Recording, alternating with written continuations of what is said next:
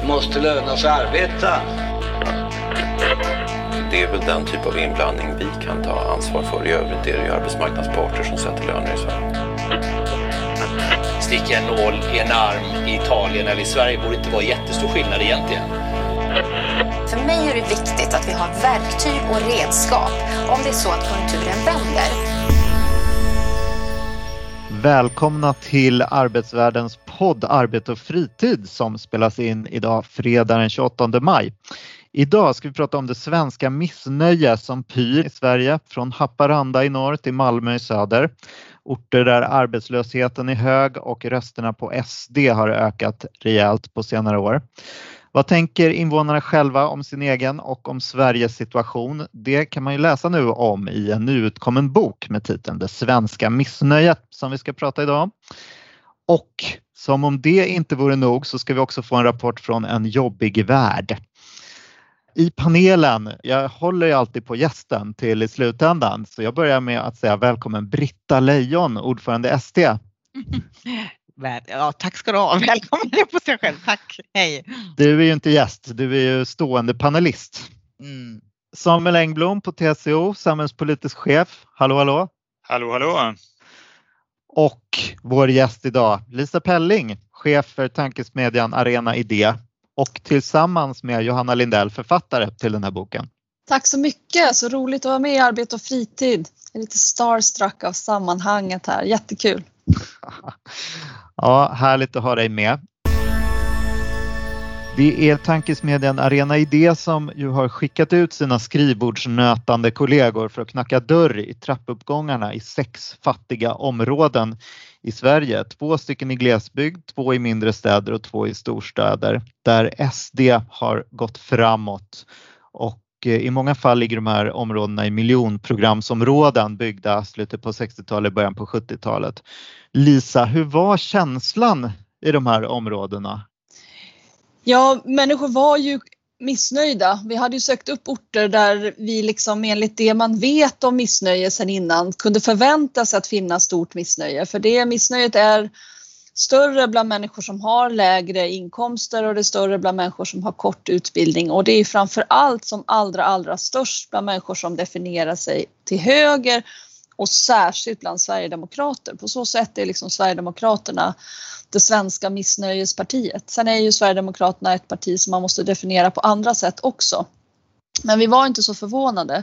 Det vi upptäckte överallt var att det fanns ett väldigt stort missnöje med otrygghet öppna frågan om, om brottslighet tyckte vi kanske inte var så konstigt att man eh, stötte på i Holma och Almgården som var de två bostadsområden som vi besökte i Malmö. Eh, eller i Rannebergen som ligger i Angered så där är också upprepade rapporter om gängkriminalitet och skjutningar och det hade skett sprängningar helt nyligen precis som i Almgården i, eh, i Malmö. Men människor var oroliga över brottsligheten i Haparanda också och i Ställdalen. Och en, en, annan sån missnöjdhet som jag gärna vill prata mer med er om var missnöjdhet med bristande samhällsservice om man liksom ska ut, använda en övergripande term på det.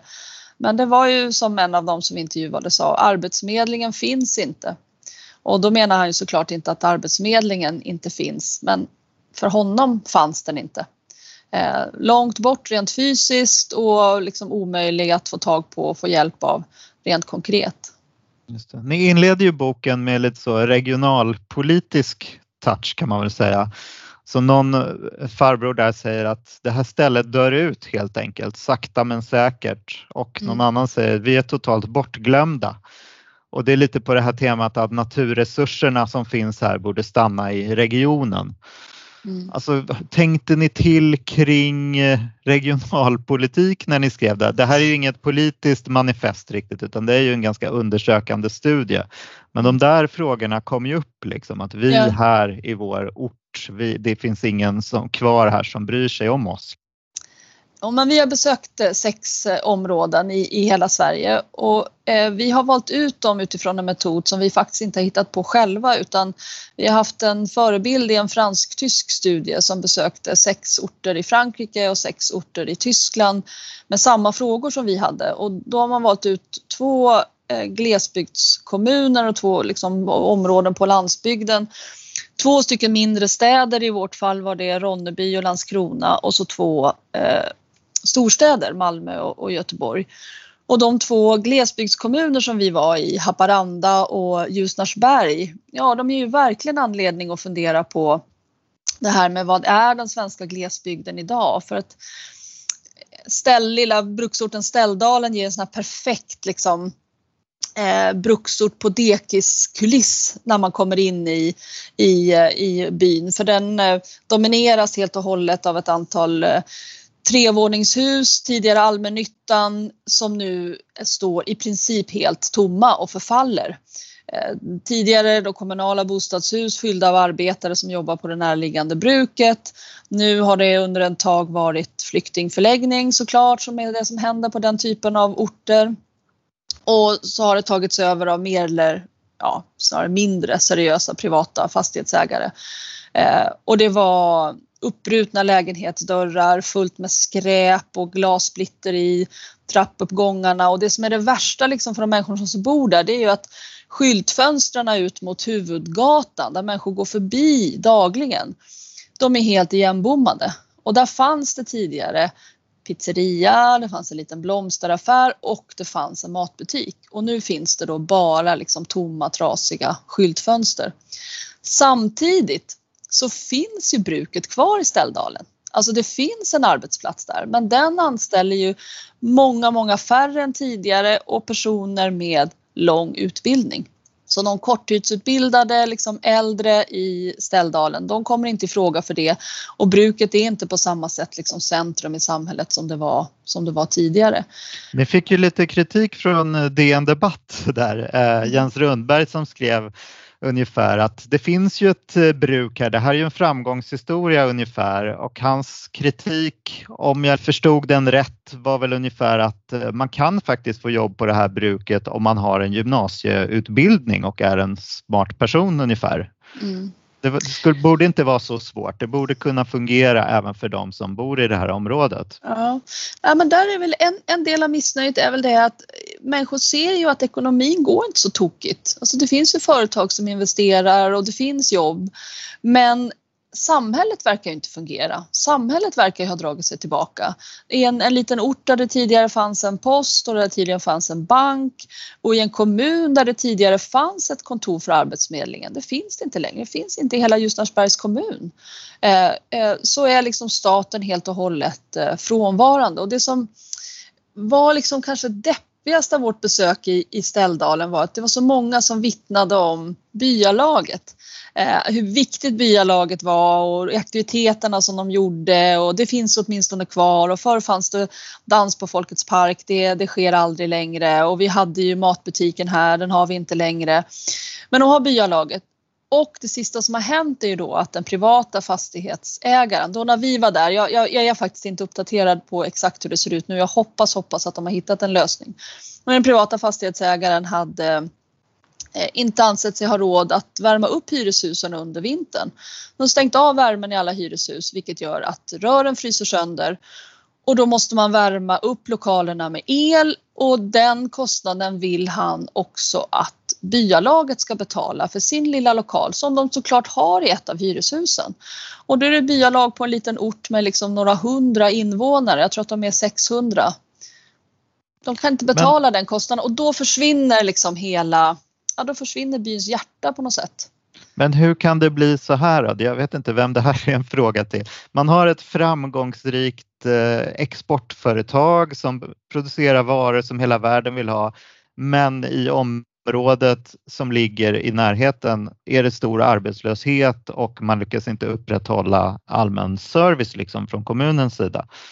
Nej, det, det är ju ett, ett fördelningspolitiskt problem skulle jag säga. På samma sätt som får liksom Haparandabron att in, utbrista. Liksom. Vi ska avstå våra resurser, vi ska avstå våra ungdomar och sen säger de att det är vi som tar. Alltså varför ska man behöva känna så om man bor i en region av Sverige som egentligen är rik och som bidrar till hela Sveriges välstånd?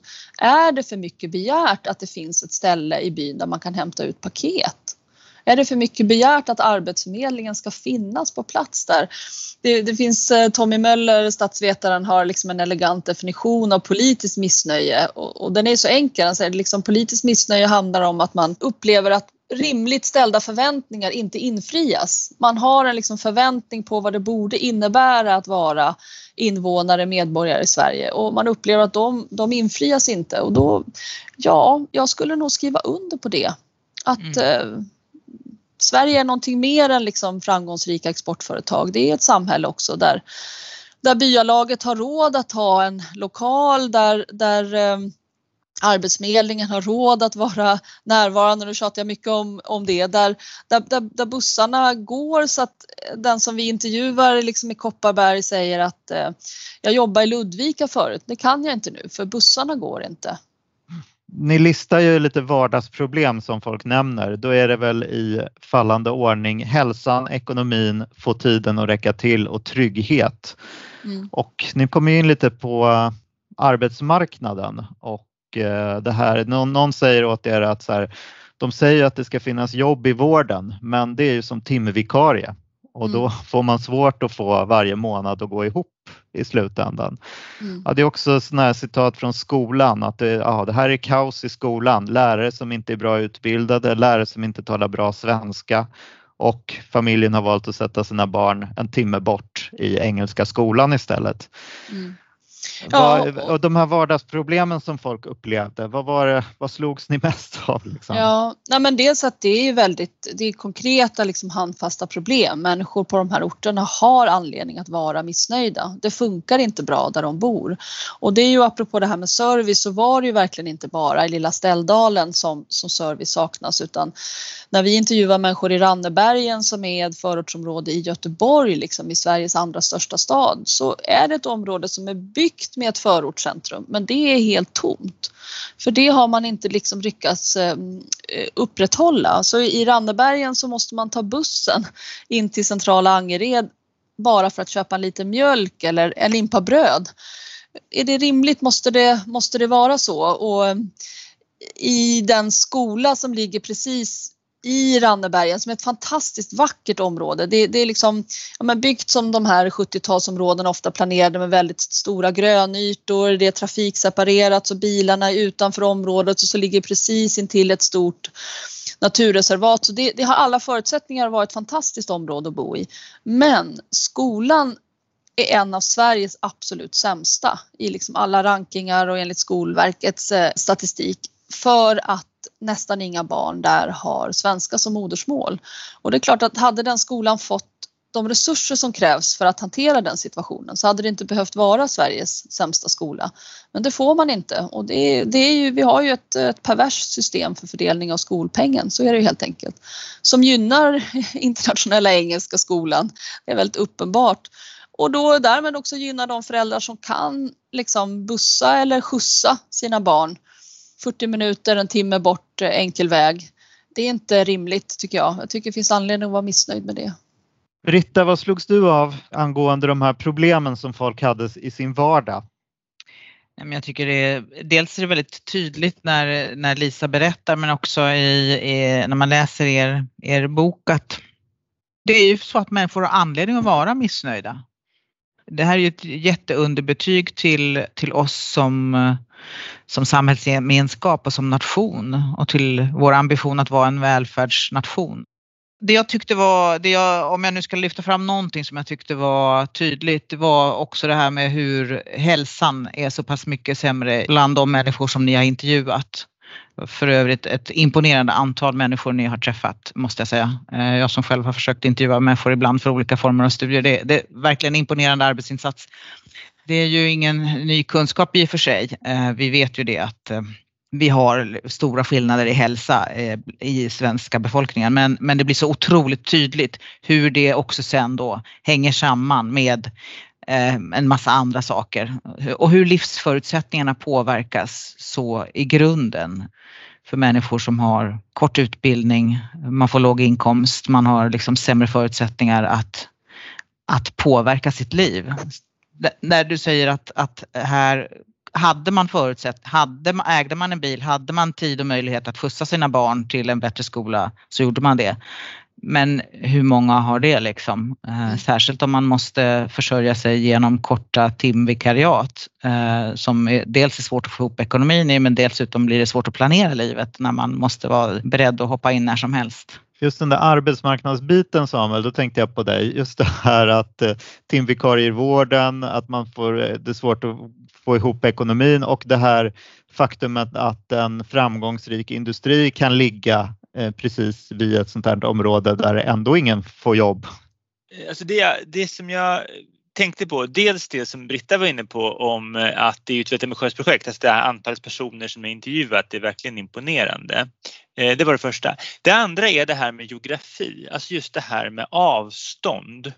Eh, och att och när ni beskriver det här att det kostar då 110 kronor att åka kollektivt för att köpa mjölk.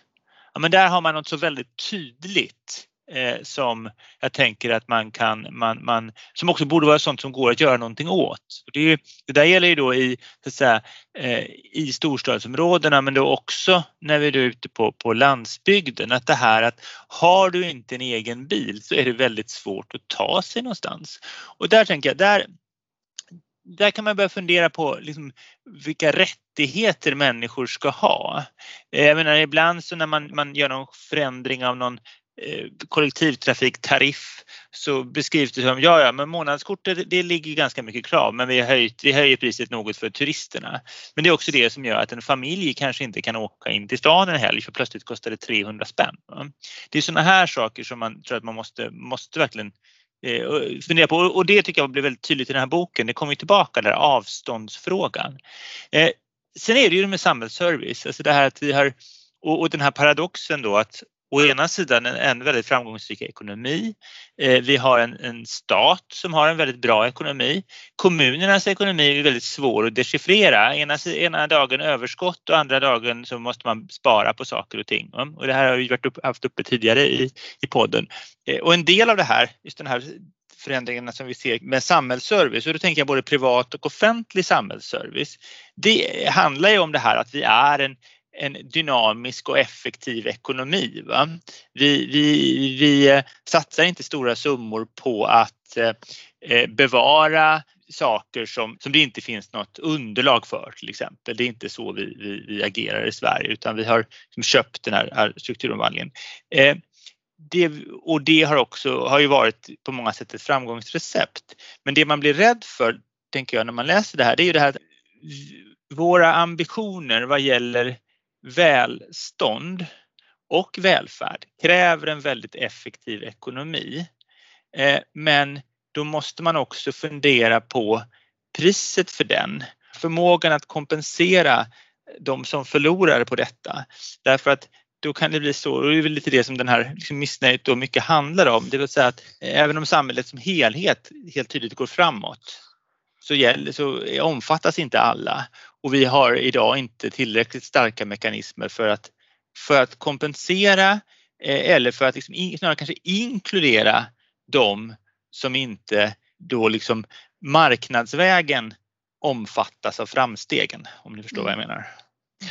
Precis, men också tycker jag det som Lisa sa, nämligen det här med att vi har liksom gett upp lite fördelningsfrågorna. Alltså vi, vi har ju helt klart ett sedan länge underfinansierat offentligt åtagande. Alltså helt krast. Det blir dyrare att vara fattig och billigare att vara rik. Den politiken har ju liksom vi haft ganska länge skulle jag vilja säga. Vad är kommunernas ansvar i det här då? Ni har ju exempel också på ja, kommuner som eh, bygger bostadsrätter och försöker få in en annan typ av befolkning och, och säljer ut uh, hyresrätter och så vidare. Samvången blev till SD-vången till exempel det, i er bok. Ja, nej, det har ju varit eh, strategin i en del eh, kommuner att försöka byta befolkning.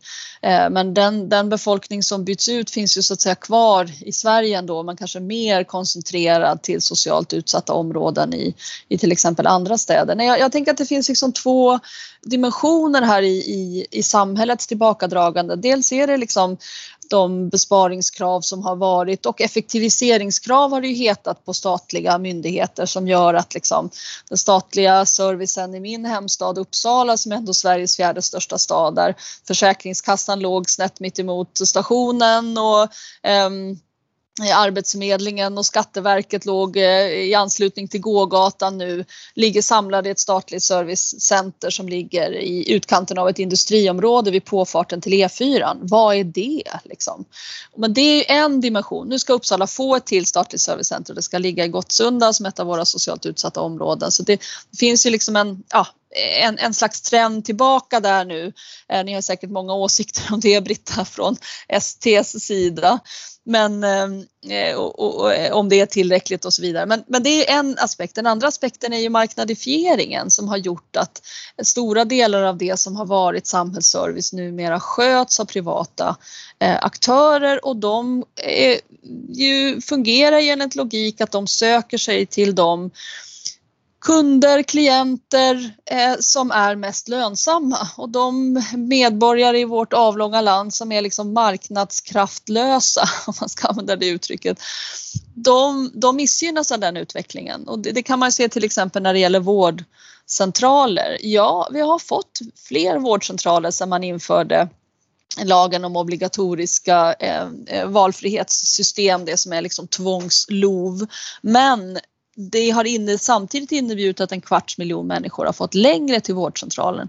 Alltså tendensen har varit att de som redan hade en vårdcentral i närheten har fått ytterligare en vårdcentral att välja på. Inte att de som redan hade långt har fått längre. Nej, jag har fått närmare. De har tvärtom fått längre till vårdcentralen. Och det finns också exempel på liksom, ehm, personaldrivna och föreningsdrivna vårdcentraler i glesbygden som har tvingats lägga ner när LOV infördes för det gynnar helt enkelt inte den typen av aktörer. Så två liksom, staten har sparat, effektiviserat eh, och staten har eh, avreglerat och, och eh, eh utlokaliserat verksamhet till, till privata aktörer. Men då, det, kanske viktigaste slutsatsen, om du tillåter mig, det är ju mm. att de människor som vi pratar med på de här orterna som är missnöjda med det här att liksom bussen inte går, att arbetsförmedlingen inte finns. Och då framför allt precis som Britta säger, det är många som tar upp hälsa. Och att det är lång kö till remiss, att de måste vänta länge, att det är krångligt att ta sig till läkaren, bor man i Haparanda då är det Sunderbyns sjukhus utanför Luleå som gäller. Det tar tre timmar att ta sig dit, tre timmar att ta sig hem. Om bussen inte går bra så är det en, är det en hel dag som går för ett, ett, liksom mottag, en, ett besök på, på, på sjukhuset där. Deras förklaring till det här.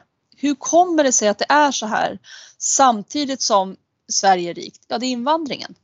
Kommunen bara sparar, sen slösar de på invandraren, säger en. Andra säger, och det kan man ju se också i hur människor röstar. Sverigedemokraterna har mycket lägre andel röster på kommunal nivå än man har eh, till riksdagen. Och det är en naturlig följd i vår analys av att invandringspolitiken, Sveriges migrationspolitik, den beslutas centralt i riksdagen. Och människor uppfattar att det är det som är problemet att resurserna har försvunnit iväg dit istället för att förklara med det som vi var inne på. Skattesystemet, jämlikhetspolitiken, ehm, eh, vår obefintliga liksom, regionalpolitik så har många liksom valt att eh, ehm, ja, anamma den liksom främlingsfientliga berättelse som gör invandringen till syndabock för den här utvecklingen. Mm. Många har ju eh, köpt den bilden i er bok att det nationella problemet är invandring och att det både stjäl resurser och att det liksom eh, förändrar landet. Att man är rädd att ens barnbarn ska gå i slöja och sånt här finns det exempel på folk som, som säger. Men en intressant aspekt var ju också att svenskar då till skillnad från tyskar och fransmän i, de, i de studierna upplevde också invandring som ett problem i vardagen. Att det var svårt att komma överens med folk från andra länder. Ja, det, det fanns sådana aspekter. Det som framför allt var skillnaden med den fransk-tyska undersökningen, som alltså samma upplägg som vi var, socioekonomiskt utsatta eh, områden, två glesbygd, två mindre städer, två storstäder eh, och eh, personer som i hög utsträckning då i Frankrikes fall röstar på Nationell samling, det som då var Nationella fronten och i Tyskland på Alternativ för, för Tyskland var att de, den tysk-franska studien tyckte sig kunna dra slutsatsen att människor var mycket mindre främlingsfientliga, mycket mindre upptagna med hotet från islam eller den typen av, av, av liksom frågor som är de som eh, är viktiga för eh, nationell samling i Frankrike och för Alternativ för Tyskland i, eh, i Tyskland. De, de är ju precis som Sverigedemokraterna partier som är, som är liksom besatta av invandringsfrågan. Det är den största, första, liksom, viktigaste frågan för dem. Men i den tysk-franska studien så tyckte de sig se att människor som lever i områden där väldigt många röstar på de här partierna egentligen inte tycker att de här frågorna är de viktigaste utan de här samhällsinfrastrukturfrågorna. Det, det var deras slutsats. Alltså att man, det man verkligen är missnöjd med är att apoteket har lagt ner, att bussen går så sällan, att, eh, att, att liksom infrastrukturen på orten inte fungerar. Däremot så tyckte de sig eh, kunna säga att människor i storstäderna var mer missnöjda med eh, invandringspolitiken mer konkret.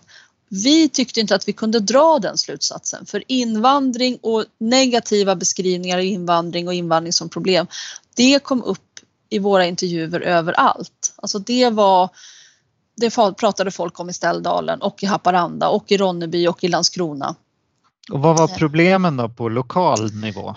En, en sak handlade ju om skolan, precis som i Rannebergen där. Eh, vi bor i Sverige och här finns klasser utan en enda svensk. Ska det vara så? Liksom? Det, det, det, är ju eh, andra, andra problem och sånt. Det är ju kanske klassiska liksom, konflikter i tvättstugan. Men sen var det ju en, en stor oro för brottsligheten och på samma sätt som liksom, eh, resursbrist i vården förklarades med invandringen så har det ju liksom verkligen satt sig den här bilden av att brottsligheten också eh, skulle se annorlunda ut eh, om eh, eh, vi inte hade någon invandring. Så där, där finns liksom en, en sån berättelse som är väldigt stark också. Just det. det var ju många som klagade på att eh, det kommer för många invandrare till för få ställen, alltså att det blir för koncentrerat och att man skulle sprida ut människor mer. Mm. Ja, alltså, alltså apropå det här med ehm, att eh, staten liksom har privatiserat så är det ju med flyktingmottagandet. Det har ju styrts av var privata aktörer har tecknat avtal med Migrationsverket eh, över huvudet på kommuner. Så finns, det är en komplex fråga där för att jag kan väl också tycka att det, det kan behöva finnas något mått av av tvång. Liksom. Om Sverige har skrivit under internationella konventioner och förbundit sig att ge människor på flykt undan krig och förföljelse en fristad i Sverige, då ska alla kommuner ställa upp. Det tycker jag är, är rimligt.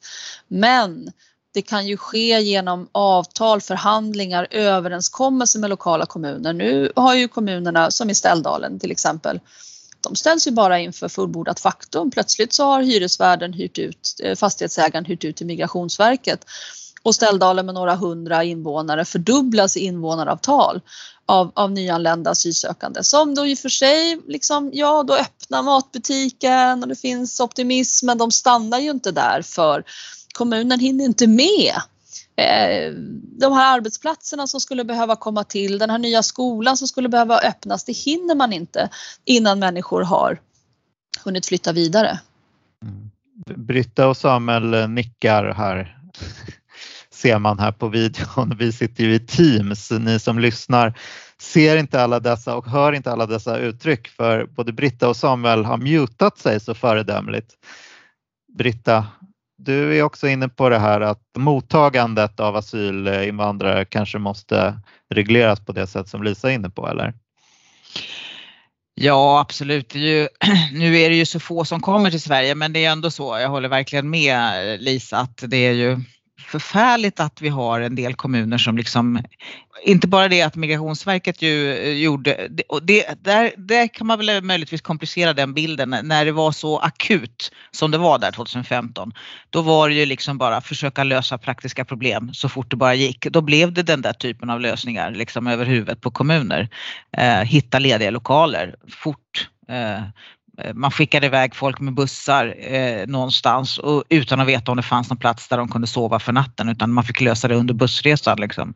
Men om vi glömmer det där akuta skedets krishantering och, och liksom eh, praktiska problem så är det ju helt förfärligt med den situation som, som ni beskriver och som andra har beskrivit också där, där kommuner plötsligt ställs inför eh, fullbordat faktum när andra kommuner Eh, köper in sig och skickar sina, sina liksom kommuninvånare till någon annan del av landet därför att de inte vill ha dem själva. Hela den där situationen är ju inte värdig oss och inte värdig eh, de som, som vi tar emot. Det ni skildrar är ju en period där folk har fått det sämre och lite förklaringsmodellen är ju att det, det innebär att man skyller sina problem eh, till stor del på invandring. Och det brukar ju hända i perioder när man får det sämre. Det finns ju en tysk studie som jag gillar att referera som säger att eh, främlingsfientliga partier alltid ökar sitt stöd liksom, eh, när det kommer en finanskris och att det är den utlösande faktorn och att eh, men efter tio år ungefär av ökande stöd efter en finanskris då börjar den där effekten lägga sig och det blir bättre igen. Och jag tänker till exempel på 90-talskrisen i Sverige, då hade vi en stor debatt om invandring. Då kom ju dessutom många invandrare från forna Jugoslavien. Men det där la sig ju. Det hände ju någonting. Det började gå åt ett annat håll någonstans och främlingsfientligheten minskade. Finns det någonting i de här perioderna där främlingsfientligheten minskar som man kan se? Vad, vad är det som händer? Är det bara att ekonomin börjar tuffa på eller är det någonting annat? Kan man dra några slutsatser om det där? Samuel kanske har ett klokt svar på det men om jag, om jag ska göra liksom ett, ett försök så tänker jag att, att samhällets riktning är otroligt viktig. Det är liksom inte den absoluta situationen utan det är känslan av att ha fått det sämre eller att ha perspektiv framåt. Känslan av att det kommer att bli bättre. Den här liksom konkreta känsla av, att, av tillförsikt. Mm. Och, eh, det tyckte väl jag och Johanna när vi skrev ihop våra slutsatser av, av de här eh, intervjuerna, för det var såklart det är 318 intervjuer. Vi var ute i många veckor där i oktober, november 2019. Det var rätt deppigt. Liksom. Vi satt på ganska många pizzerior runt, runt om i landet och liksom hade debriefing på kvällarna för ja, folk var liksom elaka mot varandra i samma trapphus och rätt deppade över situationen och missnöjda och ja, hade både hemska fördomar och rätt knäppa liksom konspirationsteorier. Ja, vi, vi, det, var, det var tufft faktiskt att vara ute och liksom prata med folk. Men det vi visste var ju att de här frågorna har ställts förut. Det är öppna frågor. Vad tycker du fungerar bra i ditt land? Vad tycker du fungerar bra i Sverige? Vad tycker du fungerar dåligt? Vad fungerar bra på din ort? Vad fungerar dåligt på din ort? Vad fungerar i din, i din, i din vardag? Och vad ger dig hopp och vad, ger, vad oroar dig inför framtiden? Den, den, den typen av frågor ställde också Barack Obama när han försökte bli vald till president och hur framgångsrikt blev det då eh, 2007-2008 och eh, Emmanuel Macron använde samma sorts eh, metod att ställa den här typen av öppna frågor till väljare när han utformade sin presidentvalskampanj och de båda landade ju väldigt framgångsrikt i väldigt optimistiska kampanjer. Yes we can sa liksom Obama och en marche sa eh, Macron. Vi ger oss av nu mot framtiden. Vi, liksom, vi ska framåt. Det finns någonting bättre här. Vi kan liksom bättre än så här. Jag kanske är naiv men jag vill gärna tro att, att det ligger någonting i det. Alltså att, att eh, det finns en kraft i att eh, nu öka sysselsättningen, nu förbättras eh, resultaten i skolan. Det kan ge människor liksom en slags hopp om att ja, men det kommer att liksom bli lite bättre. Nej, det är inte bra just nu, men det är på väg åt rätt håll. Och det har ju varit den senaste årens utveckling att när SOM-institutet möter, mäter missnöje, då ställer de frågan Anser du att Sveriges utveckling är på väg åt rätt håll? Och då var det fyra av tio som tyckte att Sverige var på väg åt fel håll för 2012, alltså eh, knappt tio år sedan. Och sex av tio som tyckte det när vi var ute och intervjuade hösten 2019. Jag, tror, jag håller med dig, jag tror att det där är jätteviktigt. Framtidstron och övertygelsen om att ens barn kommer få det bättre än man själv har eller åtminstone lika bra. Alltså det, där, det där tror jag har genuint stor sprängkraft. Det som är intressant då med er metod, det här att fråga folk vad de är missnöjda med och nöjda med och sen fråga om förklaringarna. Det tror jag är väldigt eh, liksom, det, det, ger väldigt intressanta svar. Och då är frågan, kan man dra några politiska slutsatser? Jo, men en politisk slutsats är ju att man kan försöka göra eh, saker åt det som människor är missnöjda med. Eh, och där blir ju det här en lång katalog egentligen. Även om det är som du säger, det här är inte ett politiskt manifest, men det identifierar ju problem. Eh, Sen vad man under olika perioder skyller detta på, det tänker jag är väldigt beroende av hur saker och ting skildras, inte minst i media. Eh, man skrev om Frankrike i samband då med att eh, Le Pen den äldre eh, höll på att bli president nästan. Och då fanns det en uppfattning i Frankrike om att brottsligheten hade ökat och det hade den inte. Det var bara att media skrev mer om det och det beskrevs på det sättet. Så det fanns liksom inget re reellt i det. Det jag tänker på då, det är ju den här för det säger, eh, det sa Mikael nu, att ja, ekonomin går bättre. Eh, och det gör den ju. Eh, och, och, vi kommer liksom komma ur detta, eh, den här eh, krisen som ändå, ekonomiska krisen som har kommit av, av eh, coronan, den kommer vi komma ur med en bra tillväxt och så. Men där är frågan då, eh, vad gör det för människor som hör att ekonomin går bättre men runt omkring mig går det inte bättre? Det tänker jag ökar missnöjet snarare än minskar det. Alltså det måste bli tydliga spår och där är det, sen är det också så här att det kan ju vara så att även den personen får en reallöneökning. Eh, eh, även den personen får kanske lite fler timmar och så. Alltså det kan finnas några sådana saker. Men just det här fysiska runt omkring, det innebär inte att affären kommer tillbaka. Det innebär inte att banken öppnar igen. Det innebär inte att samhällsservice liksom återvänder. Eh, den eh, dissonansen som uppstår där tänker jag är någonting som, som föder missnöje. Och framförallt med det som, den definition av missnöje som, som Lisa nämnde i början, alltså eh, Tommy Möllers definition, det här att, alltså att eh, rimligt ställda förväntningar som inte infrias. Om jag får höra att resten av samhället går bra, då stiger mina förväntningar. Eh, och det är rimliga förväntningar. Och om de inte infrias, ja, då blir jag missnöjd. Så jag tror att där finns någonting som man verkligen behöver ta, ta tag i.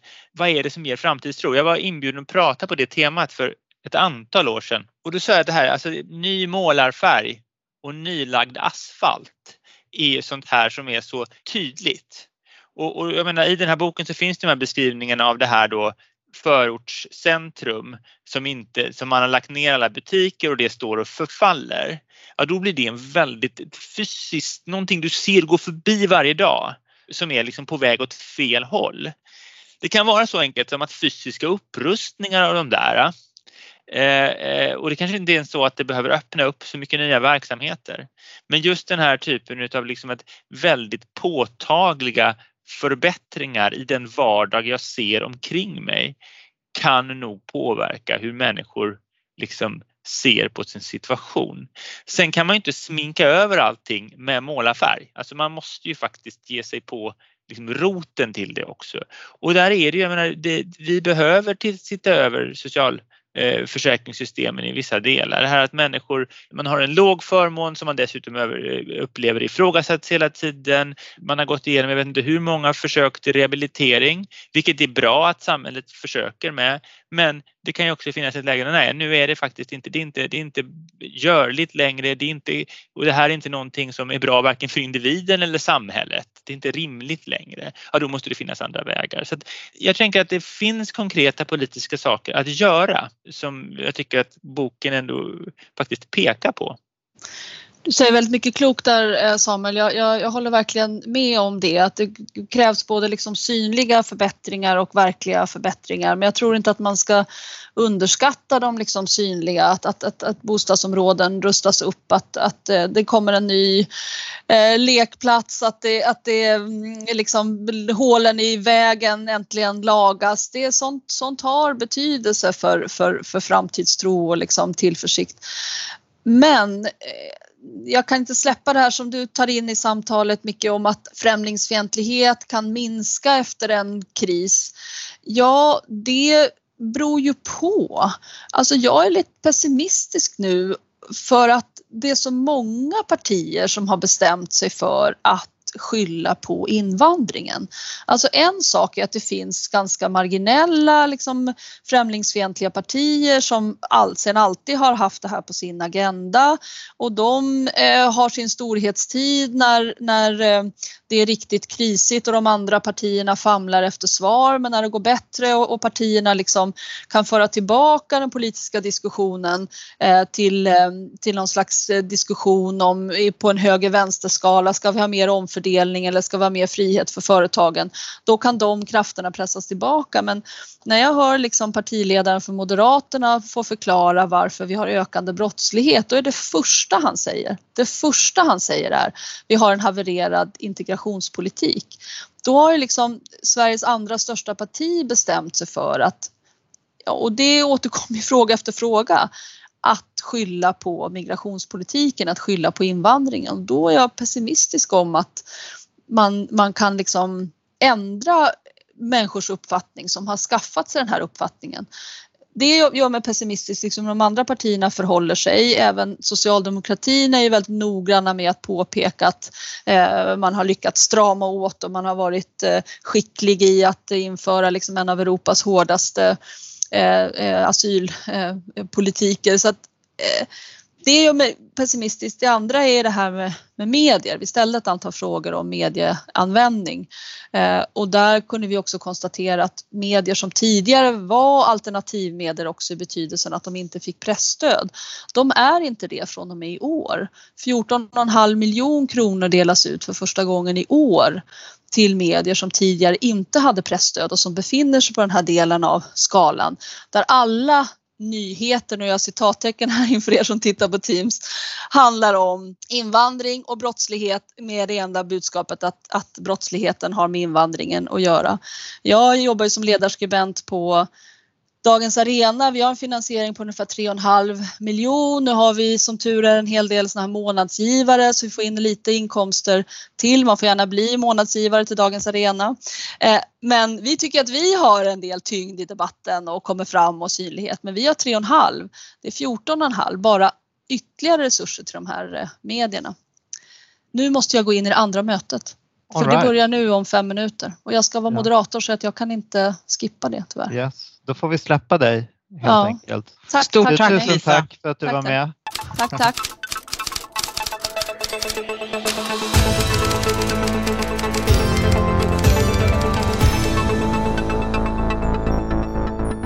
Nya idéer för friare bostadsmarknad. Slaveriets återinförande är en av de reformer som föreslås för bostadsmarknaden i Stockholm. En jobbig värld är på plats när det nystartade Hyresgästförbundet samlar sina medlemmar för årsstämma.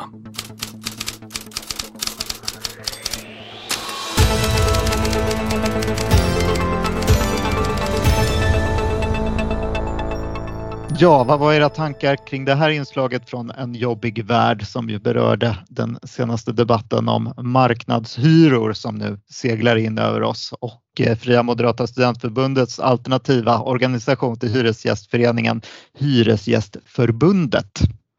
Jag läste den där och så funderade på eh, namnet på den där eh, ordföranden på den där föreningen. Duva, för mig låter det som någon sorts eh, parafras och någon sorts koppling till Sven, du, alltså, Sven Duva i Fänrik Stålsägner. Men jag vet inte om det på något sätt är meningen. Men, men det var, alltså, och så började jag fundera på vad menar han med det.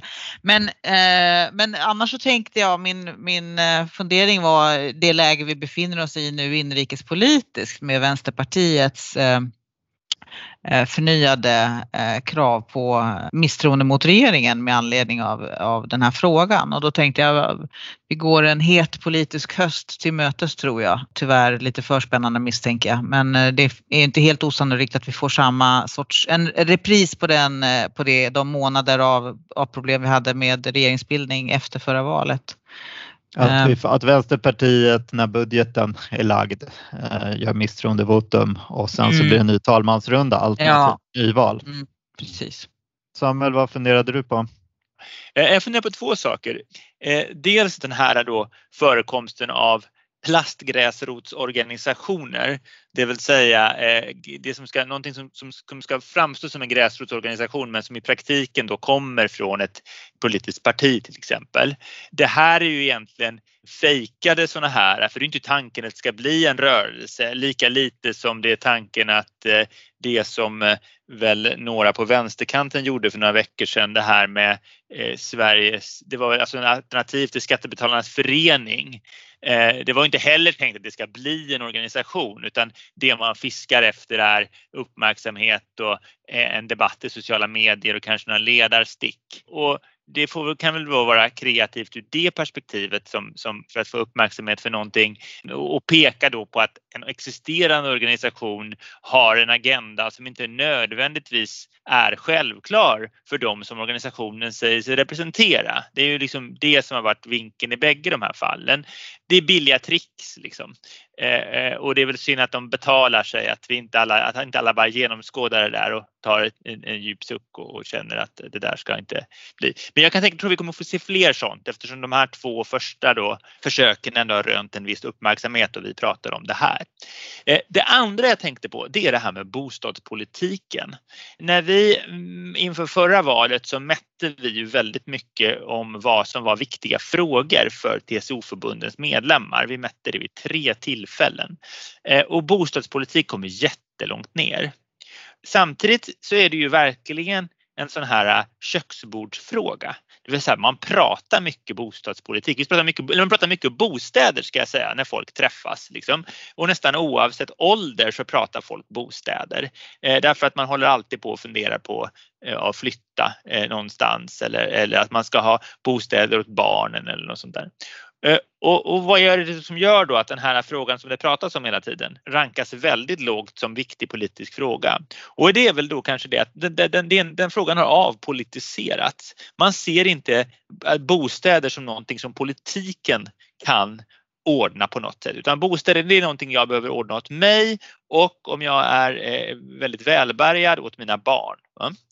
Eh, men eh, det är inte någonting som där politiska beslut kommer att ha någon större påverkan på det. Va?